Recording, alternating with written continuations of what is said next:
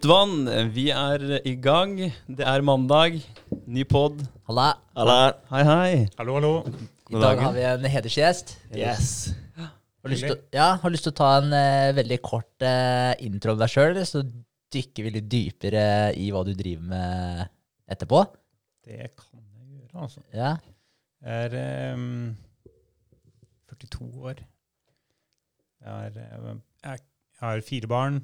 Uh, gift. Bor i Tisteren. Ja. Eh, så det er bra. Ja. Driver et selskap som heter Leid, som driver med selvbetjent utleie alt du kan trenge for å ta vare på hjemmet ditt. Ja. Det er en eh, genial idé. Så bra. Det må jeg bare si. ja. Det er kult. Veldig kult. Ja, ja. Da skal vi, vi har definitivt mange oppfølgingsspørsmål på den biten der uh, senere. Det har vi. Men vi starta med en pusteøvelse. Den obligatoriske Wim Haf-pusteøvelsen. Hva syns du? Jeg var uforberedt.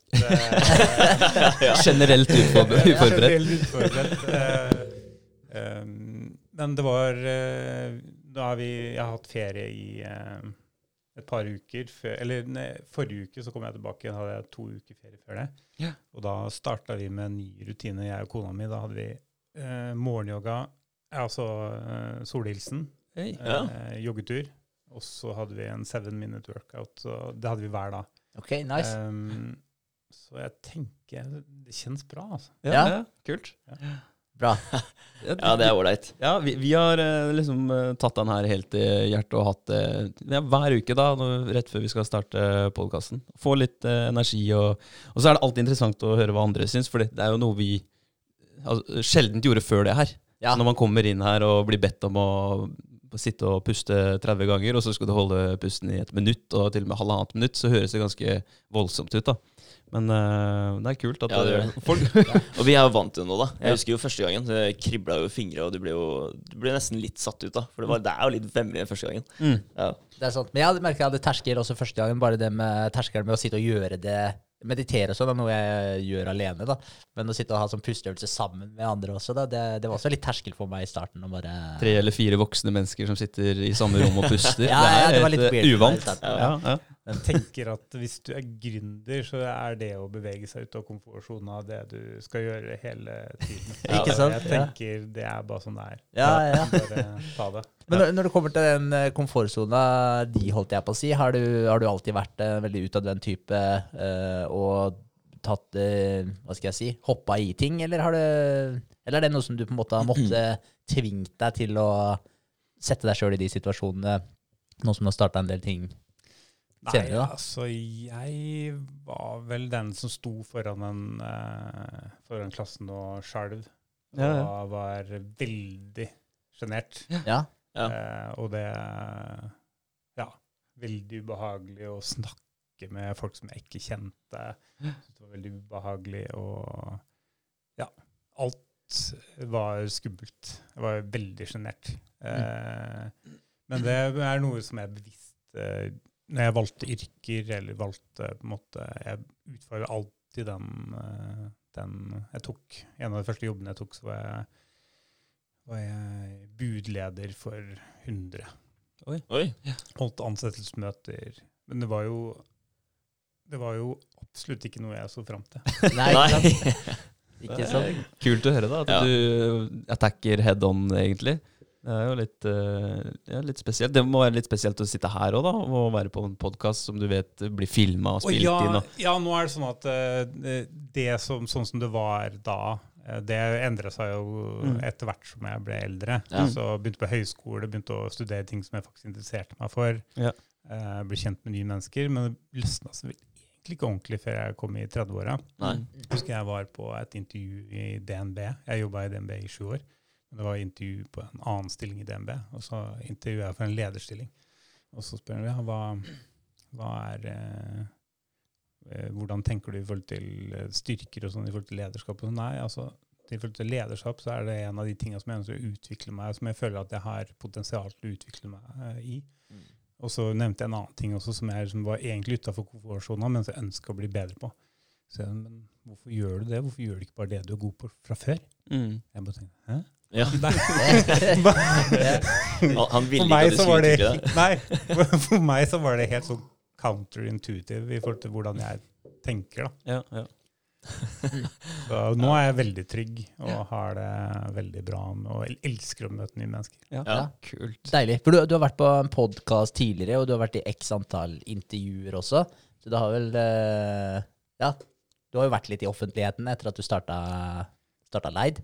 Det er som følger med jobben. Altså. Ja. Ja. Mm. Det er eh, Jeg syns det er veldig gøy. Så eh, det er noe av det jeg liker best, er å få mulighet til å snakke om eh, det jeg holder på med, og selvfølgelig bli kjent med nye folk. Ja. Mm. Inspirere andre litt til å ja, tenke litt uh, i nye, nye baner og sånt nå, eller? Altså, Ja. Først og fremst så handler det for min del En av de store tinga som jeg ønsker å formidle, er at du må ikke være en viss type. Nei. Nei. At, uh, det er så mange som går på skole, ikke finner helt veien sin. Mm. Uh, og så er det innsats slår det meste. Ja. ja. Ja. Utholdenhet og innsats slår det meste. Har du passion for det du holder på med, så spiller det ikke noen rolle hvilken skole du har gått på. Nei, det er sant, altså. Finnes Det er- noe for alle typer, liksom. Ja, det gjør det. Og så er det vel sånn derre Majoriteten av gründere òg er vel uh, introverter også? Jeg Ja. tror eh, mange beveger seg ut av komfortsona, ja. Ja, ja. ja. Ja. Det, jeg mener at det er ja, ekstremt mange introverter faktisk som, som starter opp ting. da. For du tenker at det er mange nerds, og nerds er egentlig introverter? jeg vet ikke, Det var mye tid for seg sjøl, kanskje. da. Det er litt mer inni sitt eget hode enn å hele tiden Altså, Ekstroverter oppsøker jo sosial omgang og feeder, altså får jo mer energi av å være med folk, mens introverter er jo litt mer, eh, ja, litt mer i sitt eget hode. da, og kanskje, Jeg vet ikke om det har noe med det å gjøre, men, eh, men jeg mener, det, uten at jeg har noen konkrete tall på det, så mener jeg at der, eh, majoriteten er introverter av de som starter opp. Jeg tror eh, ikke du gjør feil. Nei. Nei. Nei. Apropos Nei. nerds, da, så hørte jeg en ganske interessant greie om det, hvordan man ser for seg en stereotypisk uh, nerd. Da er det gjerne med briller. Og det er jo ikke uten grunn. altså så Litt sånn tjukt glass på brillene og sånn. Man ser for seg, ser for seg en eh, nerd. Um, men, det, men det gir jo mening, fordi at når man eh, ser for seg en nerd, så ser man en som sitter foran en PC eller et eller annet sånt over lengre tid i løpet av dagen. Gjerne hver dag. Og da utfordrer du aldri synet da, på mer enn en halvmeters avstand. Så synet blir jo svakere eh, nesten for hver dag som går. Mens skal du forbedre synet ditt, da, så må du ut og se, eh, ja, se langt fram. Da. Mm. Litt sånn som gründere. Ja. Må, Ja. må se langt fram. Ja, det er sant, det. S- høye, håre, hå, håre, hårete mål. Får mål. Ja, men det er bra. Men altså, i forhold til uka di som har vært der, hvordan ser den ut? Vi pleier jo å starte å gå gjennom ukene våre, så, og så tar vi på slutten og går gjennom hva vi skal neste uke. Ja. Har du lyst til å starte, eller hvordan uka di har sett ut nå, uka som var? Når du hadde hatt ferie? Jeg hadde ferie og kom, ah, ja. tilbake, på, kom tilbake på jobb da forrige mandag. Ja, ok, ja, Ja. passer bra. Ja. Makker borte. Det betyr at makkeren min, Andreas, eh, han som eh, sørger for at ting eh, funker, eh, er på ferie. Eh, jeg er da meg sjøl og han. Så det Mandag, deilig dag. Mm. Ja. Ja, ja, ja. Men jeg, absolutt, Det er så bra. Ja, det er bra. men jeg absolutt gleder, gleder meg til å starte på jobb igjen. Men så kommer jo mandagen, og så bare Ja. dobbel rolle. Mm. eh, ting som skjer. Eh, fikk tidenes nedtur. Det var sånn yeah.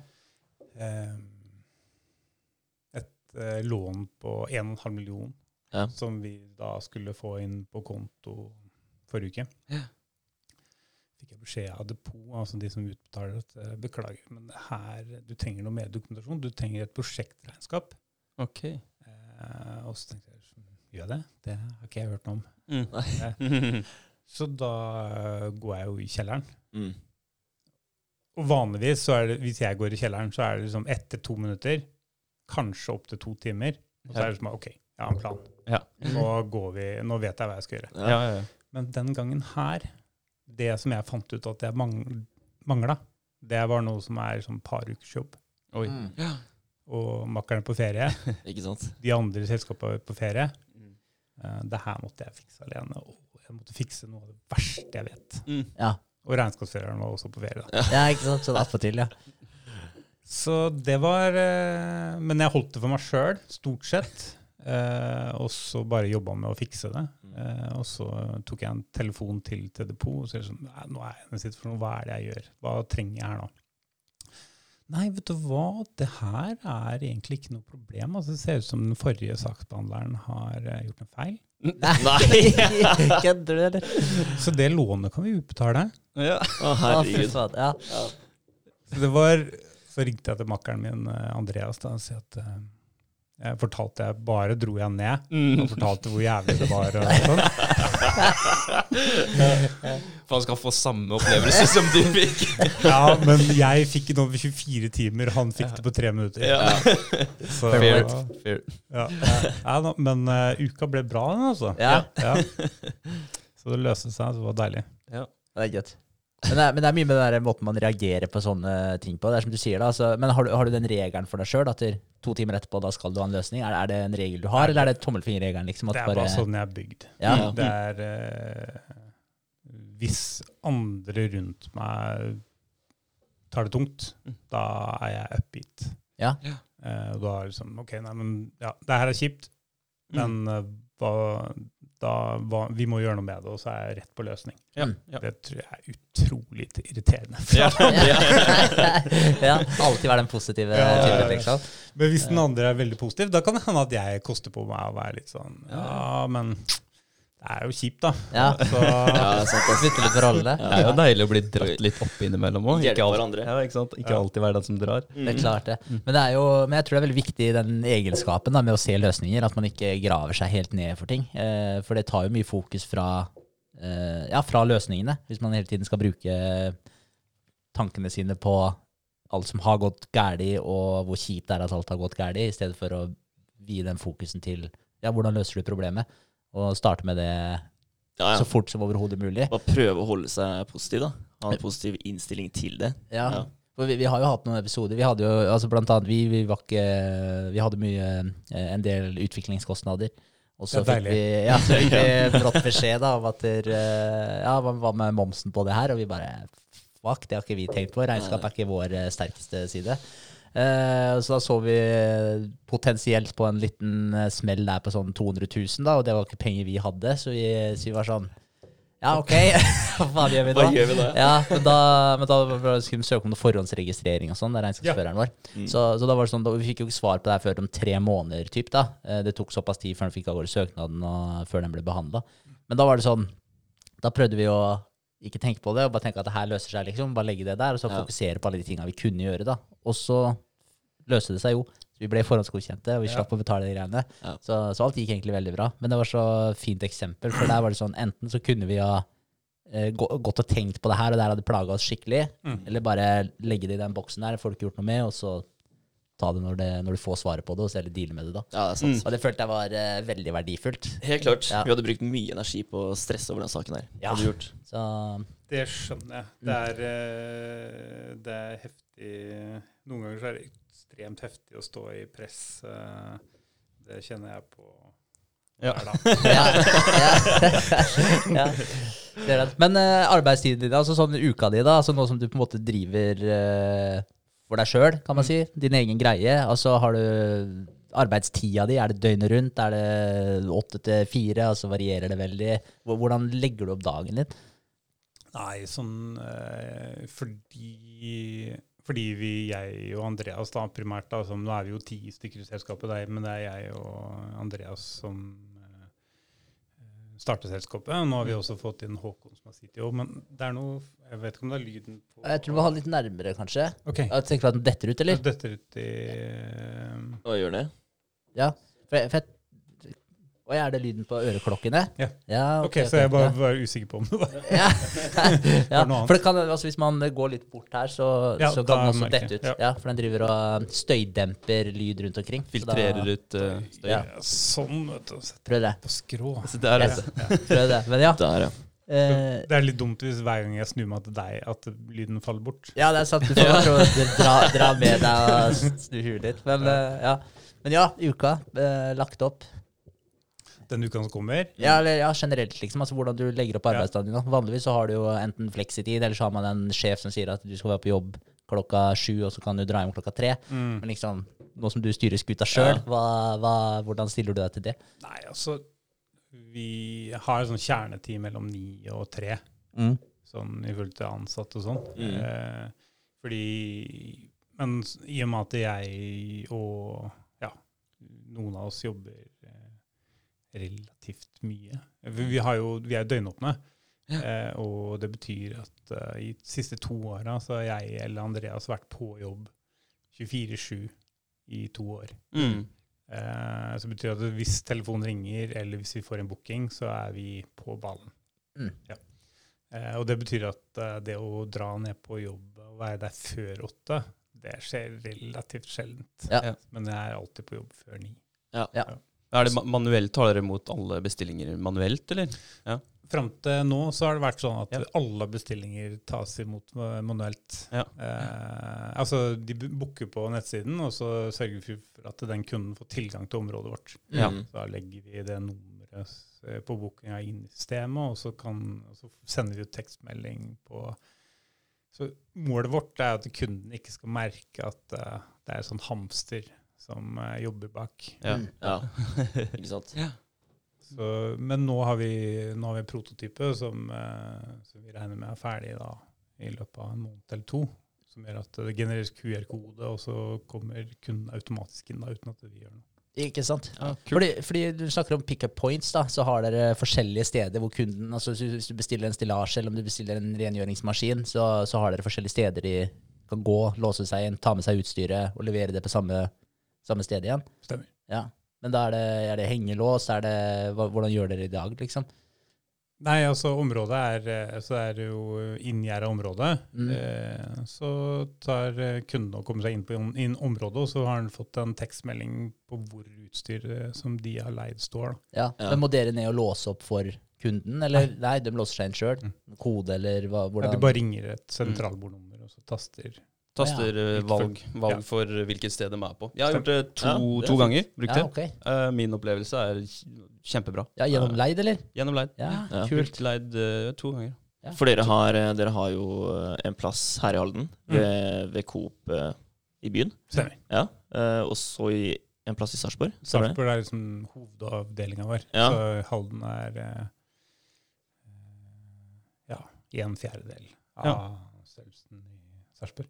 Ja, Ja. for der står det hengere, stillasjer eh, osv. Men resten av utstyret og sånn har dere i Sarpsborg, da?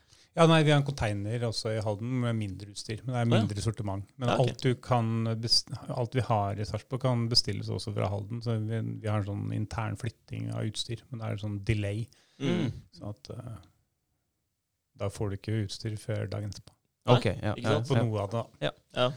Jeg la også merke til at eh, det sto to biler i den inngjerdinga. Er det utleie eller er det bilene deres? Nei, det er våre Ja. biler, altså. Nå er det ansatte som De som styrer på lokasjon, Mm. som uh, har de bilene. Ja. Så det er derfor jeg er, er, eh, er billøs eh, Ja. Nå. Oh, ja. Nå er det sparkesykkel som er gjelder. er det ja. sparkesykkel som gjelder. Ja, ja, ja.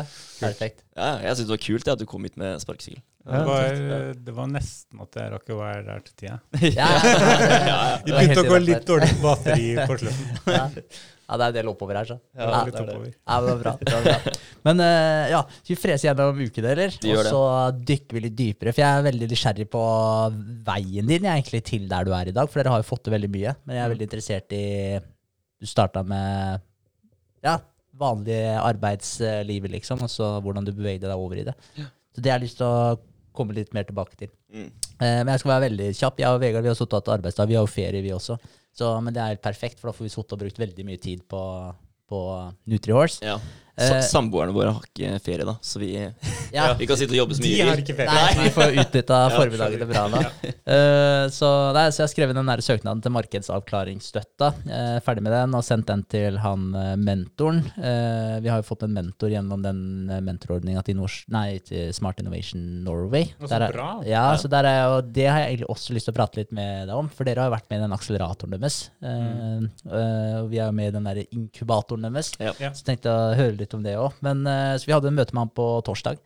Eh, det var veldig givende. Han har veldig mye bra feedback å komme med, og peker oss i Riktig riktig, retning, retning. Ja. utrolig deilig å få litt veiledning. Eh, så det er ferdig med søknaden, markedsavklaringsstøtte til Innovasjon Norge. Sendte av gårde den til han så han skulle gå gjennom den litt og komme med noe feedback. Ellers har jeg ordna en illustrasjon over bedriften. Kartlegging, egentlig. Mm. Så det er det jeg holdt på med. Så jeg starta å fikse litt på pitchdekken igjen, for vi har gjort om litt av konseptet vårt nå, så vi må oppdatere pitchdekken deretter. Så da For vi må skaffe noe kapital etter hvert. Ja. Så, så det er det uka har gått til. Mm. Bra. Ja, det har vært bra. Kult. Eh, Det har vært litt kort uke siden sist. Vi hadde jo pod på onsdag. Så jeg har eh, jeg tida på hytta først og fremst. Eh, Vi har en hytte i Sverige, så jeg har vært der en lang helg. Fått slappa litt. grann. Eh, Før jeg dro dit, så rydda jeg opp litt i regnskap. eh, Akkurat som sikkert dere tre som sitter her. Yes. Så er ikke det vi liker best. Nei, og det har faktisk jeg gjort òg. Jeg tok kontakt med hun regnskapsføreren som Ja. du eh, ga meg infoen til. Og Og, det- sendte av gårde alt til henne. Ja, vet du hva, det er så bra. deilig. Det, det var eh, i hvert fall ti kilo av uh, hver skulder, tror jeg. Mm. Så jeg fikk det jeg, det var, jeg satt kanskje i fire timer og ringte fram og tilbake med henne og hadde en sånn oppgitt gammel dame fra oh, ja. Sørlandet.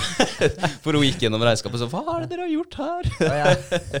Så, men, eh, så det var bra, da. Det er veldig deilig at hun rydder opp for oss. Ja. Eh, så fiken vil jeg kanskje ikke anbefale for de som eh, ikke er litt interessert i regnskap. For selv om det skal visst være så lett at du, enhver person kan gjøre det. Mm. Eh, dropp det hvis du har lyst til å sitte og jobbe med ideen din og holde på med det istedenfor. Ja. Eh, skaff deg en som kan det, som kan eh, gjøre det for deg. Mm.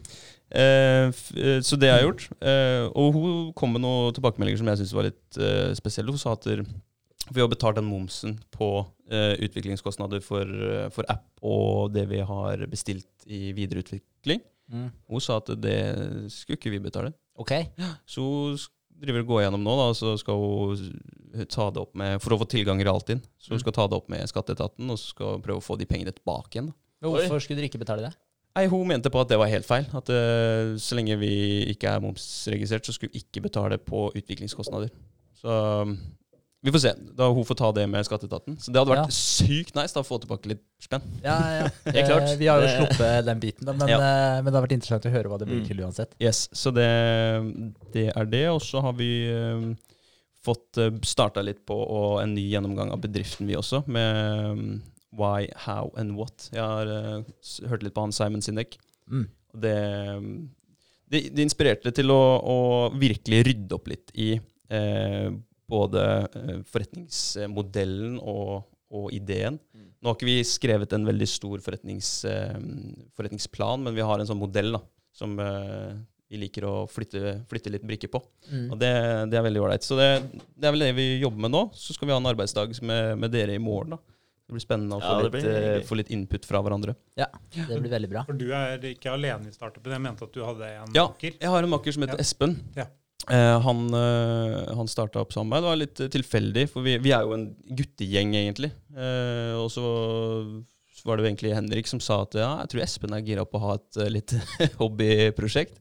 Så tok jeg kontakt med Espen, da, eller vi hang en dag, og så spurte jeg ja, vil du være med på den ideen her. Og han bare ja, er og så er det i gang. Ja, så det er kult å være omringa av positive mennesker da, som eh, virkelig drar i hverandre. Mm. Det, det er gull verdt. Spesielt med, og det har vi snakka om ti ganger eh, tidligere, med tanke på hvor, hvor mye man får igjen for av de samtalene vi har her. da. Hvor mye vi hjelper hverandre. Det er veldig viktig. Veldig viktig. Ja. Vegard?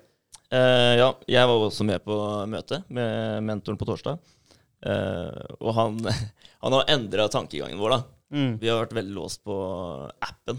At det, det skal være en app, det skal være abonnement, ikke sant. Og det er det som er inntektskilden. da. Så Men, eh, deilig å bli utfordra. Ja. Ja. Ja, ja, det er helt utrolig. Og så kommer han her inn i bildet, og han bare ja, Han løfter uh, måla våre ti ganger, da. ja. Bare, ja, Det er helt Er det lov å spørre hva han heter?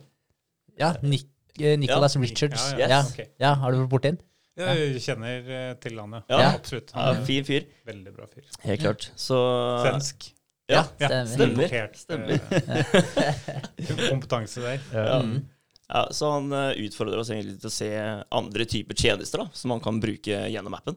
Eh, så da har vi begynt med en prototype nå. Så jeg eh, tok en runde på fredag og tok litt eh, tider og mål osv. Så, videre, så vi kommer fram til eh, ja, det produktet vi vil ha. da. Ja, Mm. så det var veldig spennende. altså. Det var det.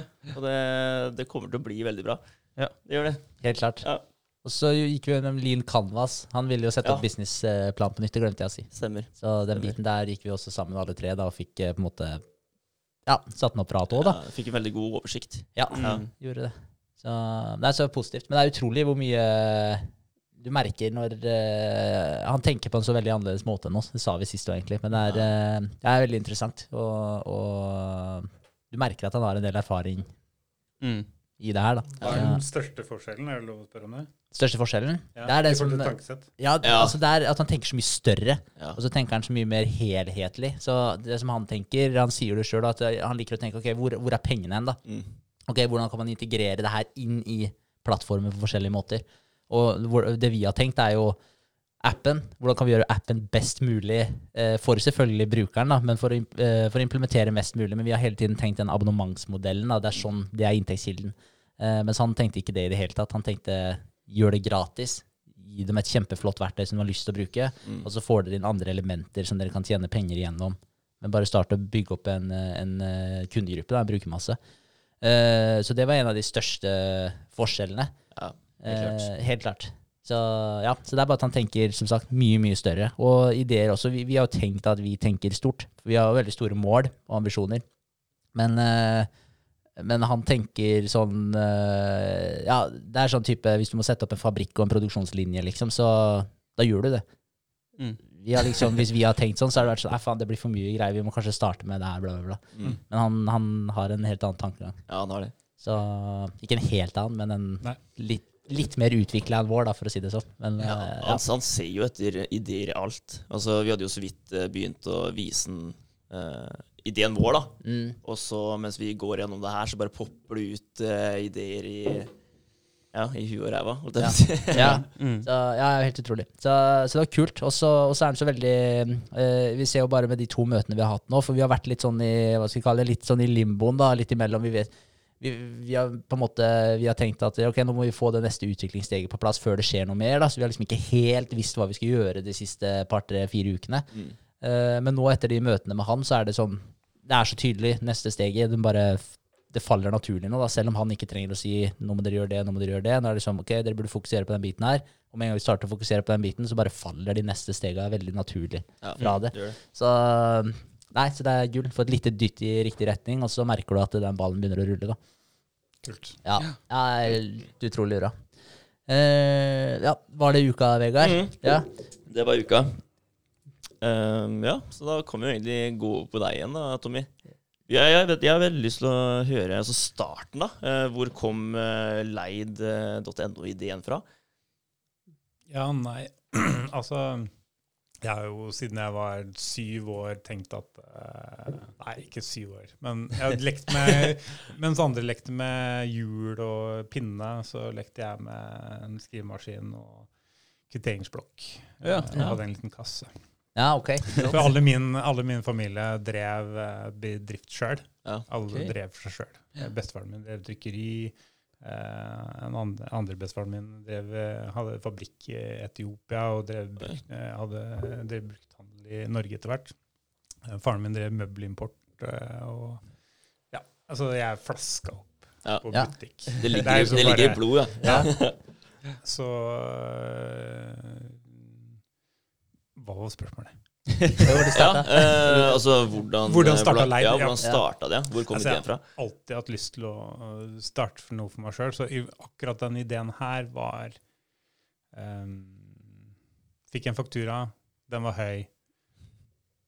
Ja. Så det var veldig enkelt. Så Ja. Det var sånn Kjøpe til det, leie ut for det. Så, så jeg Men fra det startpunktet så var startpunktet var egentlig bare skape butikk. Ja. Mm, mm. Så vi eh, tok eh, la ut annonse på Finn på noe stillas. Eh, en kunde ringte etter to dager. Eh, jeg tok telefonen og sa ja, den skal leie stillas. Ok, Hvor trenger du det fra? Eh, Fordi jeg hadde aldri tatt i et stillas. Nei. Det er klart. Jeg hadde, jeg hadde hatt et stillas på veggen, men jeg hadde aldri rørt det. Nei. ikke vært oppi det. Mm. Eh, så ja, nei, men han skal ha det da til uka, da. Ja, men fint. Da skal vi fikse det. Skal vi levere til deg, da. Ja, Mm. flott. Eh, og så ringte jeg til fetteren min og sa at eh, jeg trenger å låne stillasset ditt. Eh, så da kjørte jeg Så lånte jeg det, og så kjørte jeg det til den eh, kunden, da. Hvaler. Mm. Mm. Så det var 1000 kroner for to uker. Oi. Fritt levert. Ja, det var ikke gærent. Dere har jo dere har jo Men det er jo gratis, det. da. da. Ja, det er gratis. Ja. Ja. ja, det leser jeg jo faktisk, at dere skrev at eh, dere skal alltid være lavest på pris. Ja, det stemmer ikke. Nei. Det er, den tida er over. Den tida er over. Men altså, det handler ikke om pris, egentlig. Det handler om at eh, eh, det skal lønne seg å leie. Ja. Ja. Så vi kan godt si at det skal være billigst, men det, det, det er ikke det vi går for. Men vi går for at det skal lønne seg for kunden å leie. Mm. Sånn at eh, hvis kunden vurderer å kjøpe eller leie, så skal det oppleves som at de får mer verdi, og at det funker bedre å leie. Ja, ikke sant? Gjør det enklest mulig, da. Ja. Ja. Og det, det virker det til å være. da. Men var, var businessen oppretta da, når du leverte den eh, til Hvaler? Eller var, Nei, da nei, var det bare privat? Var bare privat, ja. Ja, ja, ja. Mm. Kult. Ikke noe henger. Og så holdt vi på veldig, veldig sånn ved siden av fulle jobber. Ja. Vi jobba fullt inntil for Vi starta for fem år siden og jobba fullt da i tre år. Mm. Og gjorde det her på sida, da. Der kjenner dere igjen åssen det funker. Ja. Mm. Ja. Eh, på et eller annet tidspunkt så var det sånn det å jobbe dobbelt. Altså jeg jobba virkelig, Vi jobba virkelig dobbelt. Altså Ja. det var 100 pluss 100. 100 pluss 100. Ja. Eh, og hvis du har lyst til å ha et forhold til barna, hvis du har lyst til å beholde kona, så er det ikke det. Og beholde liksom noe eh, Altså Ved deg sjøl òg. ikke, ja, ikke Ja. gå i veggen. Ja. Så, så var det liksom sl slutte i jobben. Da. Ja. Skummelt. ja, åssen var det egentlig? Nei, det var veldig enkelt for min del. Ja. Eh, det, det, ja, nei, det var veldig enkelt. Ja. Men enkelt fordi altså, du følte at eh, leid var såpass opp og nikka at det ikke var så stor risiko å gjøre det, eller bare fordi det er det her du vil drive med, så fuck it, liksom. Da er det bare å hoppe i det. Det så lenge kona mi støtta meg, så var det altså, Hun ville jo definitivt at jeg skulle slitte i den ene jobben. Mm. Ja, Ja. ja, ja, ja, ja. For at jeg skulle faktisk være til stede i, eh, ja, i livet, Ja. sånn generelt sett. ja, ja. Eh, og den balansen er Nå hopper jeg litt, men den balansen mellom utvikling eh, av deg sjøl og komme dit at du faktisk kan leve av det du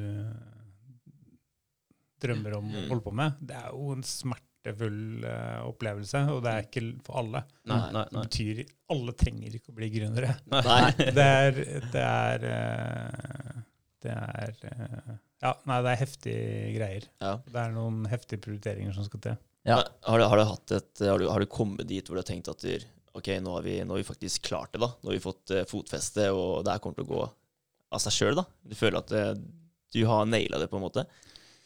Nei, altså Jeg har Jeg er veldig, veldig optimistisk. Ja.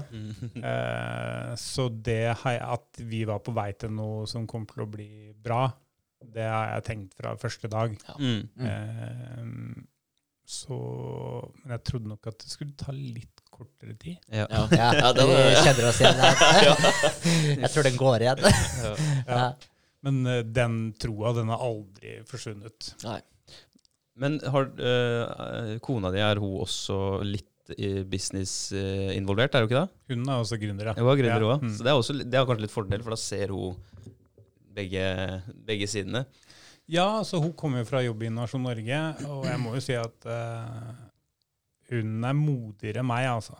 Eh, For jeg er jo født med det mindsettet. Mm. Uh, mens hun Hun har naturlig Altså fra jeg møtte henne, så tenkte jeg at ok, du må jo bare drive noe for deg sjøl, for du hører jo ikke egentlig hjemme som en ansatt. Mm.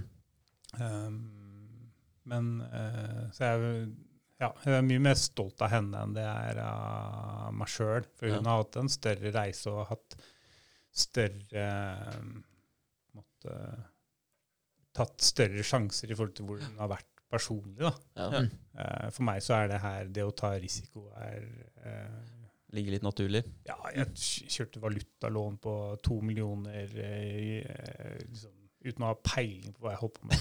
Ja. Men eh, som relativt ung. Eh, Ja, så ja. det å på en måte ta risiko for meg var ikke noe ikke, ikke, Så lenge du har troa på det du holder på med, så var ikke det noe, er ikke det noe issue. Nei, Nei. ikke sant. Men når var det du starta å hoppe over eh, fulltid i Leid? Det starta for hva sa du, fem år siden? Ja. Så 2016? Stemmer. Ja, og Så- så starta du fulltid? Eh, for eh, litt over to, to år siden. Ja, ikke Så vi sto på en scene, pitcha på pangstart. Mm. Ja. Jeg må bare, bare Vi er så heldige som bor i Halden og har eh, Smart Innovation Norway så nærme. Mm. Ja. En fantastisk gjeng med folk som virkelig har lyst til å hjelpe dem å lykkes. Ja. Og mange bra programmer som er eh, verdt å få med seg. Mm. Eh, så det var i regi av Pangstart. Sto på scenen. eh, fikk noen telefoner etterpå som eh, endte i at uh, En mulig investering, da. Mm. Det skjønte vi uh, etter å ha stått på scenen og pitcha, at ok, her er uh, mulig investering. Så da slutta vi jobbene våre, og så gikk vi all in. Dere gjorde det da, altså? Mm. Kult. Shit. Før dere hadde fått inn spenna, eller? Ja, ja. ja, ok, fett. fett. Men eh, for å hoppe bare litt tilbake til det der eh, pangstart, da. Mm. Eh, hvordan eh, Altså Var det bare noe dere visste at det her er fornuftig for oss å være med, eller var det noen som anbefalte det til dere? Og, og er det sånn, søkte dere bare om å få bli med? Hva var kriteriene, osv.? Nei, vi søkte om å bli med, og så er det jo kona mi jobba jo Norge. Hun kjente til programmet og du tar den litt nærmere, bare? Så Ja. den detter ut innimellom. Ja. anbefalte oss å søke, ja. Ja. Ja. Så jeg fikk avslag første året. eh, av han som faktisk endte opp med å bli mentoren vår. Uh, Oi! Ja. Ja. eh, men det var riktig avslag. ja. Så søkte om å bli med. Eh, veldig happy med å komme med. Fortsatt en veldig umoden idé når vi kom med, eller sånn, når vi starta det første programmet. Ja. Mm. Nå har vi jo vært med på fem totalt. Sånne, Oi. eh, ja. sånn eh, Akseleratorer, liksom. Ja. Ja. Så Kult. ja.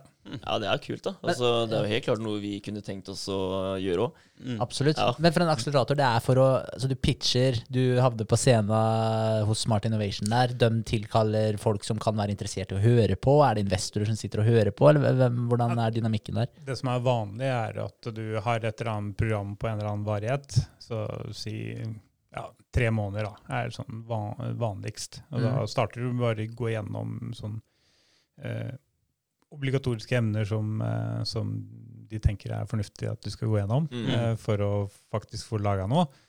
Eh, og så er gjerne målet på slutten at du skal hjelpe dem med å fikse finansiering. Og en måte å gjøre det på er at du har en pitch, eh, og så samler du inn potensielle investorer. Ja. Um, så det var sånn i det tilfellet her. Da. Men eh, andre så kan det være at det som er uh, dialog med investorer fra dag én, og utvikling av relasjon eh, mellom investorer og eh, ja, Mm. Mm. gründere. Ja. Fett. Og da gikk dere fra, mens dere var med på det her, eller det året der, så gikk dere fra verdsatt 1 mil til 10 mil, stemmer det? Eh, det var vel da eh, ja, det er noen detaljer jeg ikke kan gå ut med, for Ja. vi endte opp med å takke nei til eh, et tilbud. Ok, Mm. ja. Um, så la oss si at verdien var mellom 10 og 20, da. Ja. Ja. Mm. Eh, også, men vi takka nei til det tilbudet som vi fikk. da. Ok, ja. Men jeg hadde det med, uten å selvfølgelig gå for mye på det, men hadde, hadde det med bare at dere hadde det med eh, prosentandeler, hvor mye de skulle ha for det osv. Er det derfor, eller var det bare at det ikke var en riktig match, eller? Nei, altså hvorfor takker man nei til penger? Altså, det, det er egentlig det som er spørsmålet mitt, da. Vi kan heller svare på hvorfor takke nei til penger. Ja, så ja, ja. slipper jeg å gå inn Ja, på ja, ja, ja, detaljene. gjør det, er flere, må, det er flere grunner til å takke nei til penger enn til å takke ja. Mm. Um, så det er jo en del av de tingene som vi har lært underveis. da, At uh, penger har jo en viss kostnad. Mm. Uh, så, så det å ta imot penger fra riktig type investor er, til riktig tid er Mm. kanskje noe av det viktigste i forhold til å eh, Om du dreper eh, sjappa di eller ikke. Mm. Ja. Fordi eh, en investor på et spesifikt nivå har jo også sine krav, da. Mm. Ja, Mm. er klart. Som eh, f.eks. er det et VC-fond, altså eh, Venture Capitalist. De har jo kapital, eller krav til avkastning. Mm. Det betyr at de satser kun på selskaper som har potensielle potensial for å bli unicorns, altså bli milliardsjappe Mm. eh, i dollar. Mm. Mm. Um, og det betyr at når du går inn i det rotteracet der, så er det vekst Mm. Ja. teller. Ja. Så hvis dere på et eller annet tidspunkt finner ut at uh, vi burde kanskje ta selskapet i en annen retning, vi har ikke helt landa på Mm. dette her Mm. eh, nå, så blir denne reisen litt tung, da. Mm. Ja. Hvis du har fått med deg et WC-fond som er, eh, har en veldig klar path for hvor du skal hvorfor, Som er grunnen til at du investerte i det. ja, ikke sant? Det er ikke bare å snu, liksom. Nei, det er ikke bare å snu. Nei, nei. Så det er liksom hvor eh, Så det her er på en måte Kona mi jobber i Innovasjon Norge. Eh, Jeg var jo den eh, som hadde en ny idé hver dag. Mm. Så hadde jo endelig fått en, en sparringspartner hjemme. Mm. Så kommer jeg, ja, vet du hva, jeg har en idé, sånn, sånn og sånn. Ja, har du tenkt på det? Nei, det har jeg ikke tenkt på. Ok, nei, tilbake til tegnebordet. Ja, ja. Nei, så um, Så engleinvestorer er liksom det du skal gå for. Mm. Altså først og fremst team. eh, team. Ja. Mm. Eh, Først team, Mm. Og så eh, eventuelt eh, det du bør jobbe for, er å få inn teammedlemmer som har, eh, har noe som ikke du har, Mm. eh, og som kanskje du trenger for å få, få det her til å fly. Mm. Og så, hvis du er, så er det, så er det to alternative veier. Det er bootstrappe. Eh, bootstrappe. Du kan bootstrappe hele veien. Eh, bootstrappe, Ja, altså det betyr da at du ikke, du ikke tar inn penger, du jobber. Ja. Ja. Eh, Tjener dine egne penger. Ja, du må jo utvikle konseptet uten å ta inn penger. Du Mm. bare eh, Det er eh, Du knyter på skoa, og så, Kjører du på? og så kjører du på. Ja. Um, og, og ellers så er det å ta imot uh, penger, da. Eh, så hvis du skal ta imot penger tidlig, så bør du gå for engleinvestor, som faktisk har uh, noe å bringe til bordet. Mm. Det betyr Engleinvestor er, da en, er jo en tidligfaseinvestor som investerer i selskaper som er sånn før du har fått product, og nå merker jeg at det her er, Jeg er skada. jeg er skikkelig skada. Da har jeg vært med på fem akseleratorer og gått på BI med strategisk forretningsutvikling og innovasjon. Altså De her uttrykkene er bare som en del av mitt vanlige vokabulær. Jeg beklager kjempemye. Nei, men kjør på. Vi spør, vi spør. Ja. Vi spør. Ja. Um, ja. Så engleinvestorer de eh, investerer jo liksom en sum fra 10 000 opp til kanskje noen hundre, Mm. kanskje f- opp til en million, da, litt avhengig av hvor langt selskapet har kommet. Men de investerer jo gjerne i tidlig fase. Ja. Så før du har fått product market fit, det var det jeg skulle si i stad. Ja. Altså, Ja. måte, At du faktisk har funnet ut at det her er noe å tjene penger på. Mm. Ja, Og at kundene vil ha det du Mm. prøver, å, prøver å selge. ja, Ja. ikke sant. Ja, men eh, ja. Mm. Ja, det var tendensen, bare Ja. begynte å. Ja, men, det. eh, interessant. Men eh, altså, i forhold til de her akseleratorene og sånn, er det når var det dere fant ut at det var det dere skulle melde dere på? Vi har jo blitt med i den der inkubatoren til Smart Innovations. Stemmer. Eh, og vi har jo egentlig akkurat blitt med. Så vi har hatt bare to mentortimer. Ja. Eh, men jeg ser jo bare den verdien Bare med den mentorordninga deres er jo utrolig verdifull for oss. Eh, så inkubatoren altså Vi har ikke vært på noen eventer og sånne type ting enda. Eh, Nei. noen samlinger, ingenting. Men bare den mentorordninga ser jo vi på som utrolig positivt. Ja. Men den akseleratorbiten eh, For du nevnte en mentor, du også. Får man en mentor gjennom den akseleratoren også? Ja, det er litt ulike varianter, da. Men Ja. eh, Smart Innovation Norway har det sånn eh, det er sånn som det var på den akseleratoren vi var med. Men det er vel Altså, de har jo ulike varianter. Dere skulle vel eventuelt vært med på den første. For de har jo De har jo scale-up, men det, før det så har de jo Startup? startup. Ja. Ja. Så, Mm. ja. Så startup, hvordan den fungerer nå, det vet jeg ikke helt. Men Nei. den siste som vi var med på i deres regi, var scaleup. Og da var det sånn at du hadde en pool med x antall mentortimer Ja, okay. eh, som du kunne trekke på de ulike ressursene. Ja. Mm. Eh, så det var ja. hva, fikk dere mye ut av det, eller? Var det, hvordan var det for dere?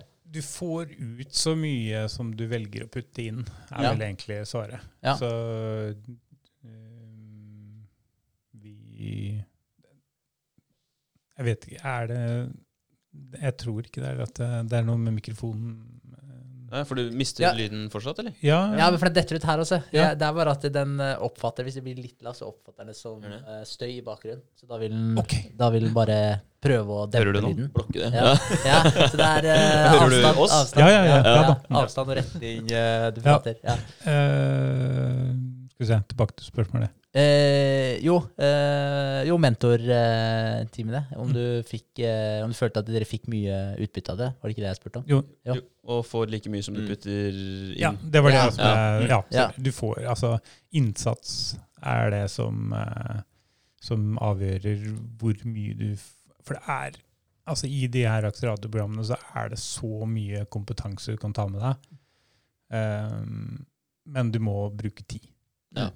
Mm. Så vi har jo Når vi var med på den siste scale-up, så var vi med på to samtidig. Okay. Vi liker jo på en måte å kjøre hardt. Ja. Ja. Eh, og det var Det var verdt det, Mm. men ikke kom ikke helt gratis. Nei. nei. Nei. Så absolutt. Hver gang vi har vært med på et akseleratorprogram, så har vi alltid fått en én spesifikk stor ting ut av det, som okay. eh, har uh, løfta oss til det neste nivået.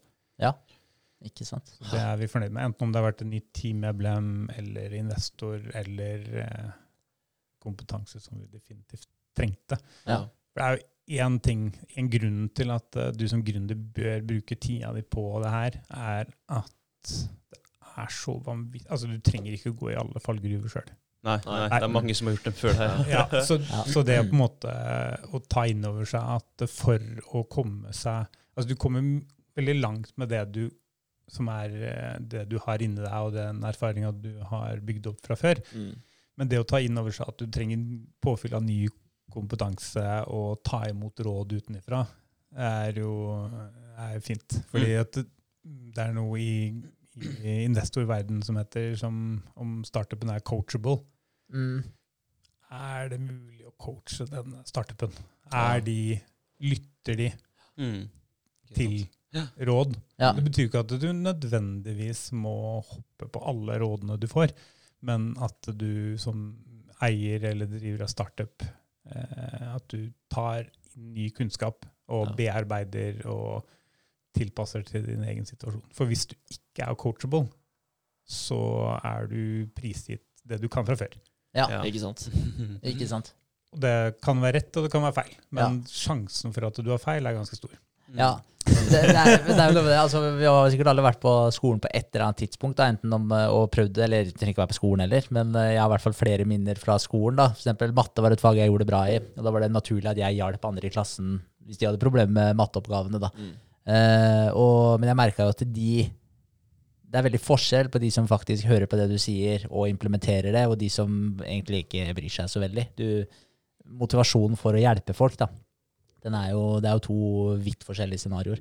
Og du, du, det er jo mye mer givende å hjelpe noen som du ser prøver å i hvert fall ta til seg det du sier, og ja, gjøre noe med det. da. Så jeg ser jo ja. for meg at det der eh, coachable-punktet, da, at det må være ekstremt viktig for å se ja, fra sånne som uh, Smart Innovation osv. Se at her er det faktisk at inputen vi gir, blir gjort noe med. da. Ja, og så måtte i hvert fall at det er eh, ikke bare nei. Mm. Fordi det som skjer med en matte, en som blir fortalt mulighetene ved matte, som i utgangspunktet har bestemt seg for at eh, jeg trenger ikke matte, Mm. Ja. eh, eller den veien som jeg har valgt, det er den rette. Så du kan jo prøve å overtale meg til noe annet, men det her vet jeg faktisk. Ja, Ja. Ikke sant? Eh, Da, da er det litt vanskelig å komme seg videre, fordi at du kommer til å gå på så mange smeller. Ja. At uh, du trenger, uh, trenger noen uh, andre enn deg sjøl for å dra deg ut av gjørma innimellom. Jeg tenker jo sånn at Hvis du ikke er coachable, så er du heller ikke veldig tilpasningsdyktig. Da. Og i forretningsverden så skjer det jævlig mye. Da. Og hvis du Mm. aldri kan tilpasse deg, så Da kommer du til å slite. Da det kommer til det- stykket. Aldri en pivot, aldri en endring av noe ting. Nei, ikke sant? Det kan bli Det kan hende Det er jo folk som har lykkes ekstremt bra med å ikke endre på noen ting. Ja. Så vi skal ikke si at det, eh, det å liksom ha et mål og bare gå for det, det kan også være Det er ikke noe fasit her, men, men, men eh, ja, ta inn ny kunnskap er Ja. Kan være lurt å vie horisonten sin litt, grann, da. Prøve å Ja. Den podkasten her handler jo mye om selvutvikling, så jeg tror kanskje vi Vi har ikke noe problem med å være tilpasningsdyktig og coachable, så jeg tror vi Nei. hører på deg, og så Ja. lar vi oss coache av noen. Vi er veldig enige der. Ja. ja helt klart. Men, men sånne målsetninger og sånn. Altså jeg leste om dere at dere, dere hadde en, eh, et mål, tror jeg i hvert fall, om å nå 330 millioner i omsetning innen 2023. Det hørtes litt lite ut. tenker jeg. hørtes litt Ja, lite ut, det er, ja. Kan du si noe om omsetninga deres nå, og hvor, eh, hvor mye vi snakker om? Hvor høy Differansen. Ja, Ja. liksom hvor mye snakker vi fram i tid? Hvor mye må dere stige da for å nå det målet? Og hvis det er litt lite, da, hva, hva er målsetninga deres? Nei, altså eh, For vår eh, I og med at vi driver med fysiske produkter som er avhengig av en viss finansiering Det er ikke noe software as a service. Det er ikke, noe, det er ikke bare en programvare som skal selges. Mm. Fordi da er jo veien til eh, Altså, klarer du å eh, få omsetning og nå kunder, så er det, det er det du skal jobbe med. da. Utvikle produktet. Og, men for oss er det sånn, handler det med, eh, ganske mye om finansiering Mm. om å Kjøpe inn utstyr. ja, Mm. balansere liksom da etterspørsel og tilbud. Eh, så nå er det sånn at hver enhet, altså hver avdeling, nå ser vi at det er eh, lønnsom. Mm. Eh, så i prinsippet, det å komme til 330 millioner eh, i 2023, det er ikke noe problem. Nei. Det avhenger kun av finansiering. Mm. Ja. Eh, og vi vet at de er lønnsomme, så det handler om å få tak i den finansieringa til best mulig pris. da. Ja. Ja. Og Det betyr at du skal gi fra deg minst mulig aksjer. Ja, Ja. ikke sant? Ja. Ja. Og det er liksom forskjellige måter å få finansiering på. Det er jo uh, egenkapital, at du putter inn ting, penger sjøl, Mm. låner uh, penger, tjener penger, Mm. eller at du får det fra investorer. Ja. Ja. Og da er det billigste er å låne. Ja.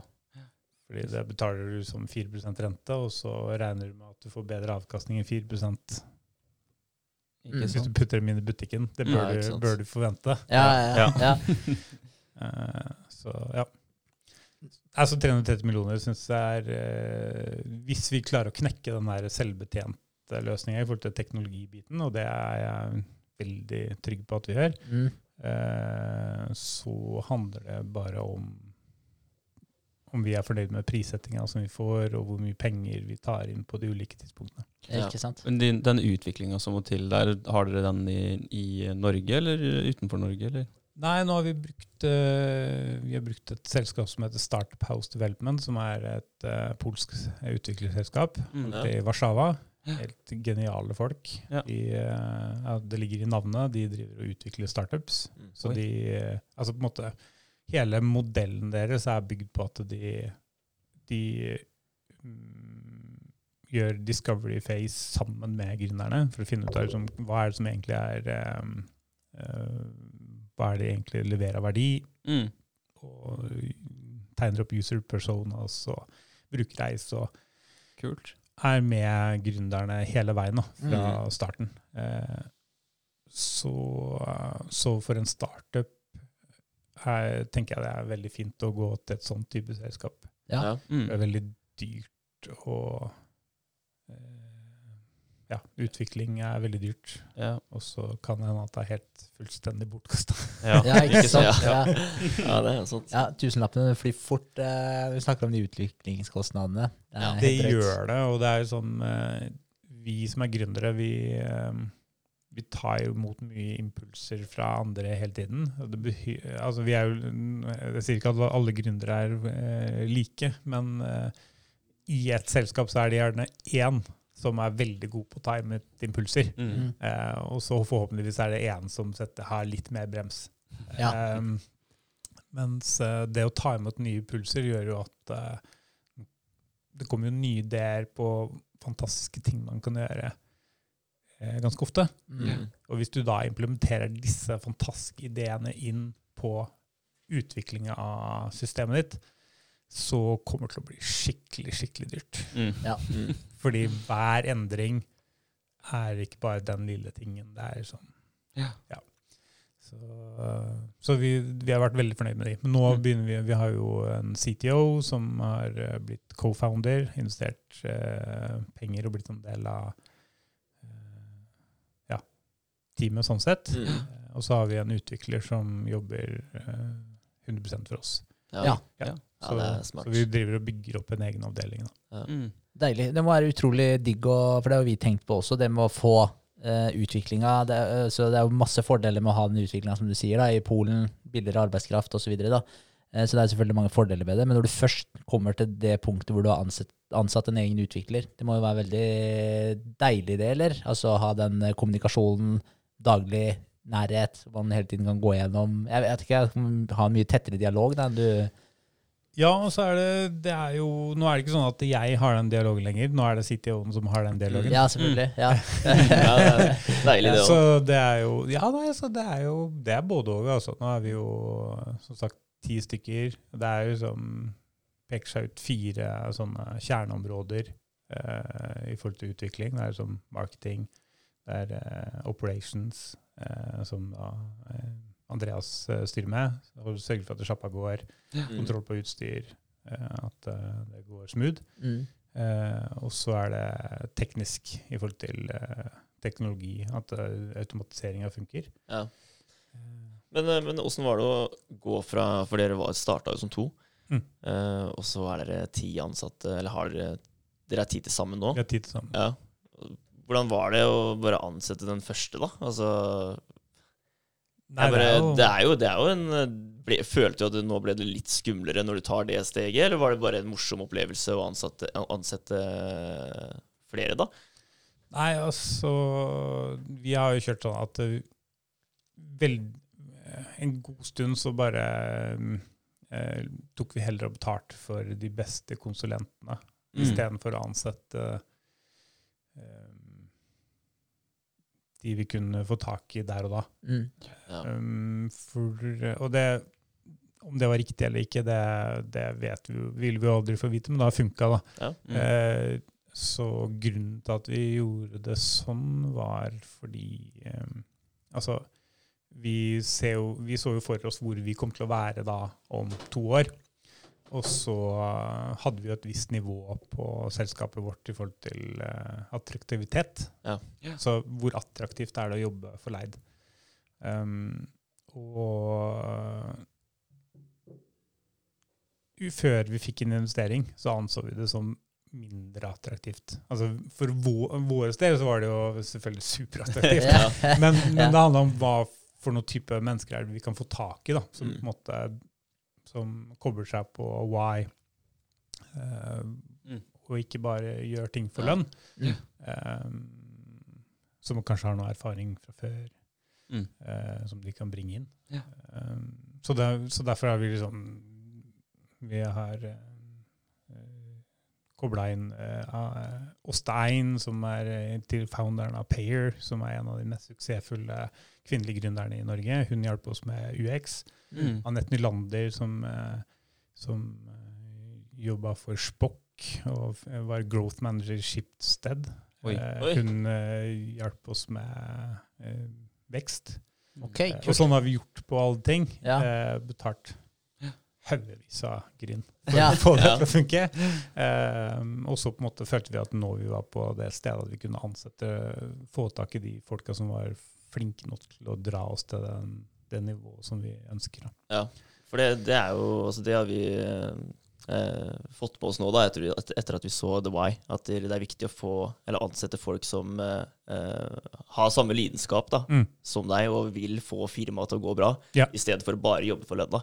Ja. Mm. Men ja, syns, syns dere det var eh, en enkel oppgave å eh, treffe de folka, da? Altså, Jo mindre du vet, jo enklere er det. ja.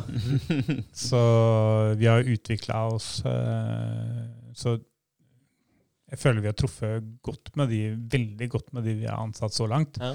Eh, men det er mye enklere å ansette nå som vi har eh, eh, måte, klarere for oss eh, Eller er veldig tydelig på hvorfor de skal velge oss. Ja. Eh, så, så ja. Nei, som sagt, altså, jo mindre du vet, jo enklere er det. ja. Mm. Ja. Det er. Så vi brukte, når vi ansatte sist nå, så ansatte vi growth manager, og da um, Det å ansette noen growth manager er noen som skal hjelpe oss i å vokse raskest mulig, få tak i kunder, få dem tilbake raskest mulig. Mm. Og det er jo da en prosess å finne ut av ok, hvilken personlighet er det dette mennesket skal ha, akkurat hva er det de skal gjøre nå, hva skal de gjøre om ett år, Mm. hvilken profil er det det her mennesket har. Så vi gikk, det her var en veldig viktig rolle for oss, og vi gikk ganske dypt inn i det og henta inn, eh, inn eh, feedback fra noen rå folk Mm. eh, som eh, gjorde at vi, vi ønska en annonse som eh, snakka til eh, sånn eh, Ikke bare menn, da. Mm. Ja. Mm. Eh, fordi vi vet at det å ha diversifisert i et team, det er bra. Mm. Um, så vi ønska å få Og vi har jo litt uh, skjegg Det var for mye skjegg, da. Mm. Det, ja. uh, Så vi ønska på en måte å snakke på en måte som gjorde at vi tiltrakk oss flere ulike typer personer som ikke nødvendigvis var like oss sjøl. Mm.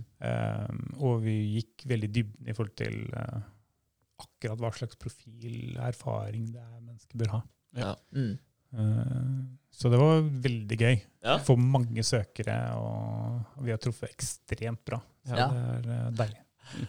Kult. Ja, det det må en god følelse da, når du kommer dit at eh, du faktisk legger ut en stillingsannonse på det som var en idé for x antall år siden, og nå er det faktisk ekstremt mange folk som ja, ja. Det er attraktivt, da. Yes. Ja. Da er en bra følelse. Men dere har også fått nye lokaler? Ja, vi har vokst litt ut av Altså, jeg må jo si at jeg elsker Blender coworking space. Eh, Ja, for det er her i Halden. Ja. Ja. Ja.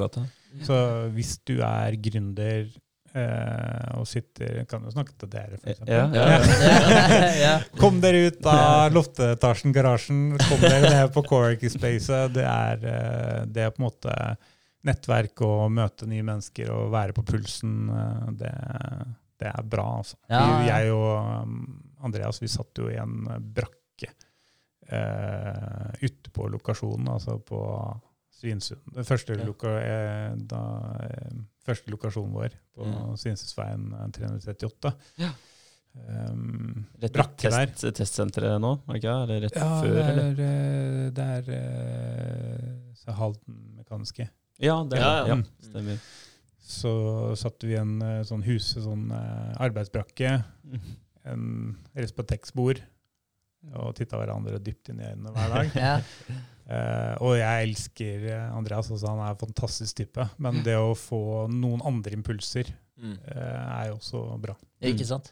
Så da har dere sittet nede på Blender-kollektivet? til, inn, eh, ned på Blender, men mm. nå så er det sånn at uh, det var ikke Altså, vi Ikke blir for mange, rett og slett. Ja, ja.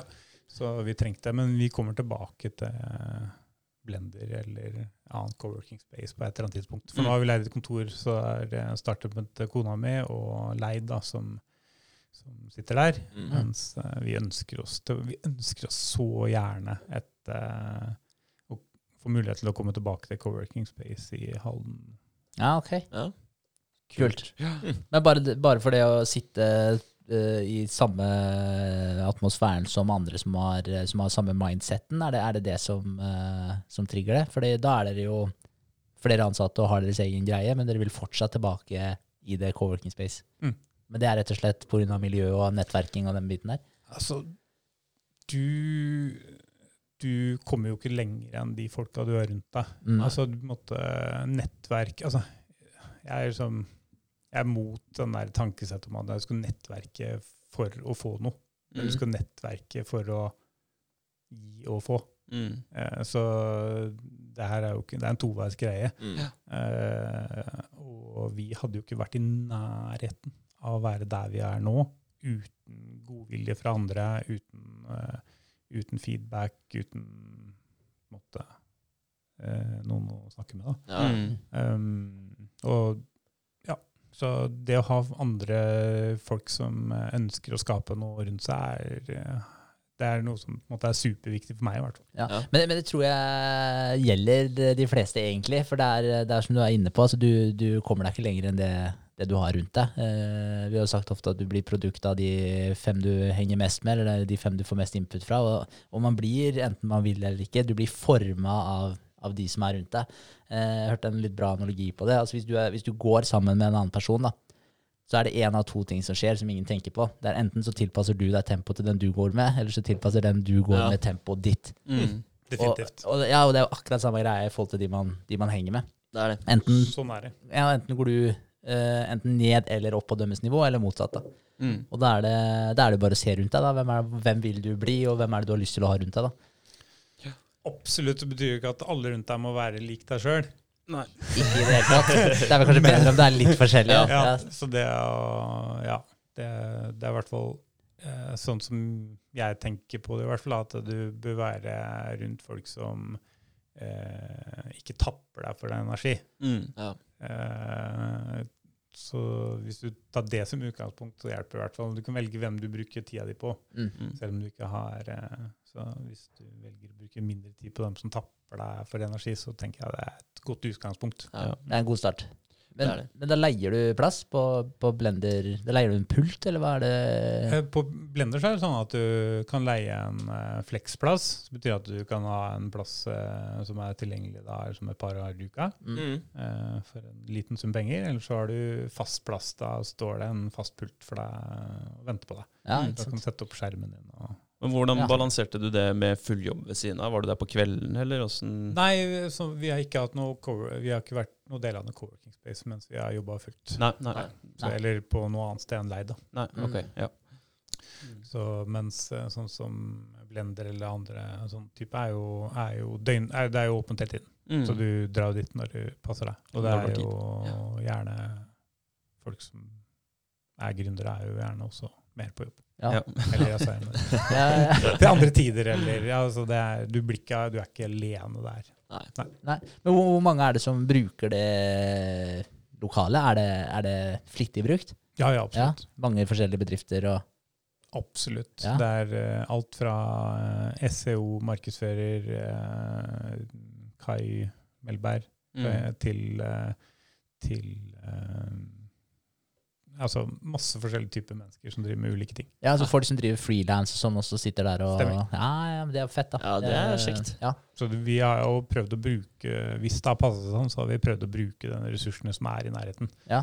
Eh, så vi har brukt f.eks. Netron, som sitter på eh, Blender i Fredrikstad. Vi har brukt, eh, vi har brukt da Kai Henning eh, på SEO i en periode.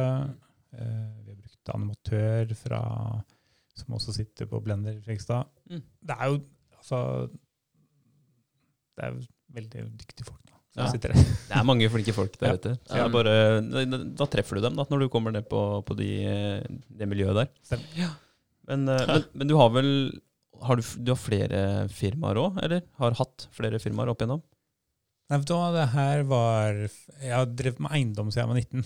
Ja, Ja. ikke sant? Så Men dere har hatt noe næringsselskap for eiendom? Ikke hatt det. Nei, nei. Så det var første selskapet starta, var sammen med Andreas, da. Ja. Som da het Thea Stillas. Tommy Andreas Stillas. ja. Det var, det var bra vi valgte på, og slagordet var eh, 'ikke ta stiget, ta stillas'. Bra. Den, eh, den satt hos Ja. unga. Og Ja. minstemann Bendik bare 'ikke ta stige, ta stillas'.